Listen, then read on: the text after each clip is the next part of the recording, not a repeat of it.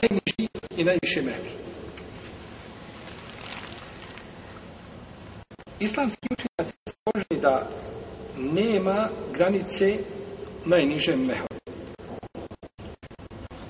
Da mehr može biti sve što se zove imetkom. Sve što se zove imetkom može biti mehr. I to je stav šafijski, abelijski pravnika, ishaka, jebu saura, jauzaija. I Lejsa i brojni drugi učenjaka.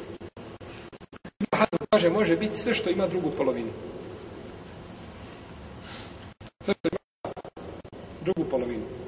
Pa može, kaže, biti i zrno ječma. A to što ga može šta? Da poloviti na dva dijela. Sve što ima, sve što ima znači nekakvu vrijednost može biti mehr.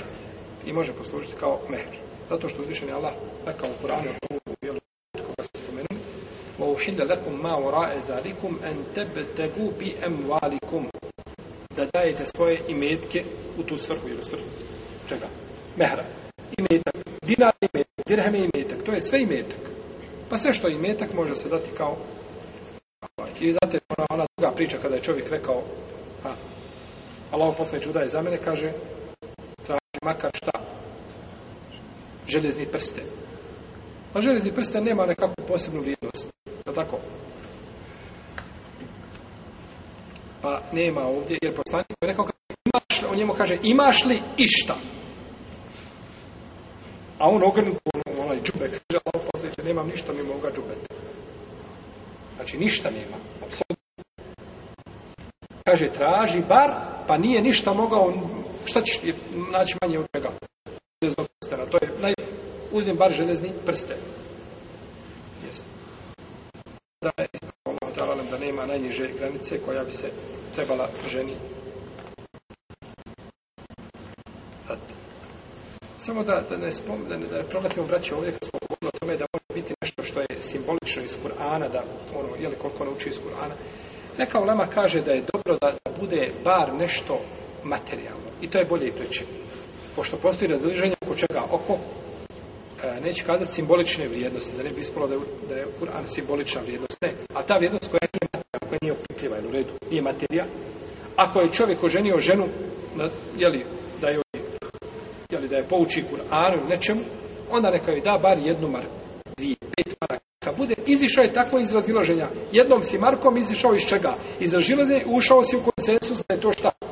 ispravno. A dok uradiš ovako, tako da je preče da bude uz taj mehr koliko god da ona kaže, ne znam, mehr je ovaj, to i to, da me poučiš, ne znam, suri, hađ, na primjer, ili lembija, u redu, evo od mene još pet maraka. Ili deset, ili pedeset, koliko možeš dati, da bude nešto šta i... Da bude nešto i materijalno. To je preče i bolje. I tamo gdje god veće čovjek može izaći iz razilaženja, a, gdje nema veliko opterećenje da iziđe iz razilaženja, preće mu da iziđe. Preće mu da iziđe. Isto tako, najveća, najviša granica za mehr.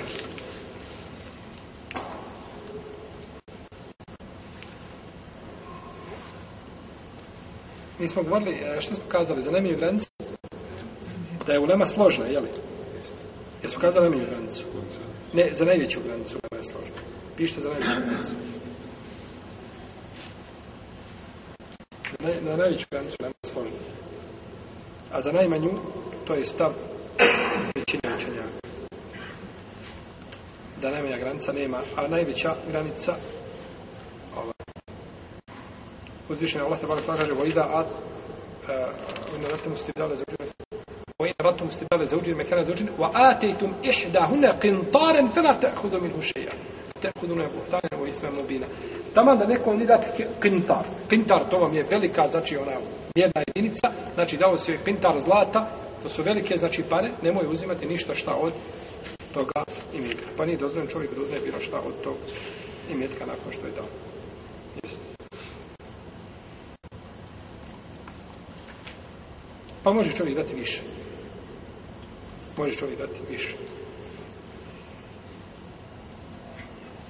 I dozvoljeno je znači da bude mehar sve što je znači ima pravu onu materijalnu vrijednost ili tu vrijednost koja nije materijalne prirode.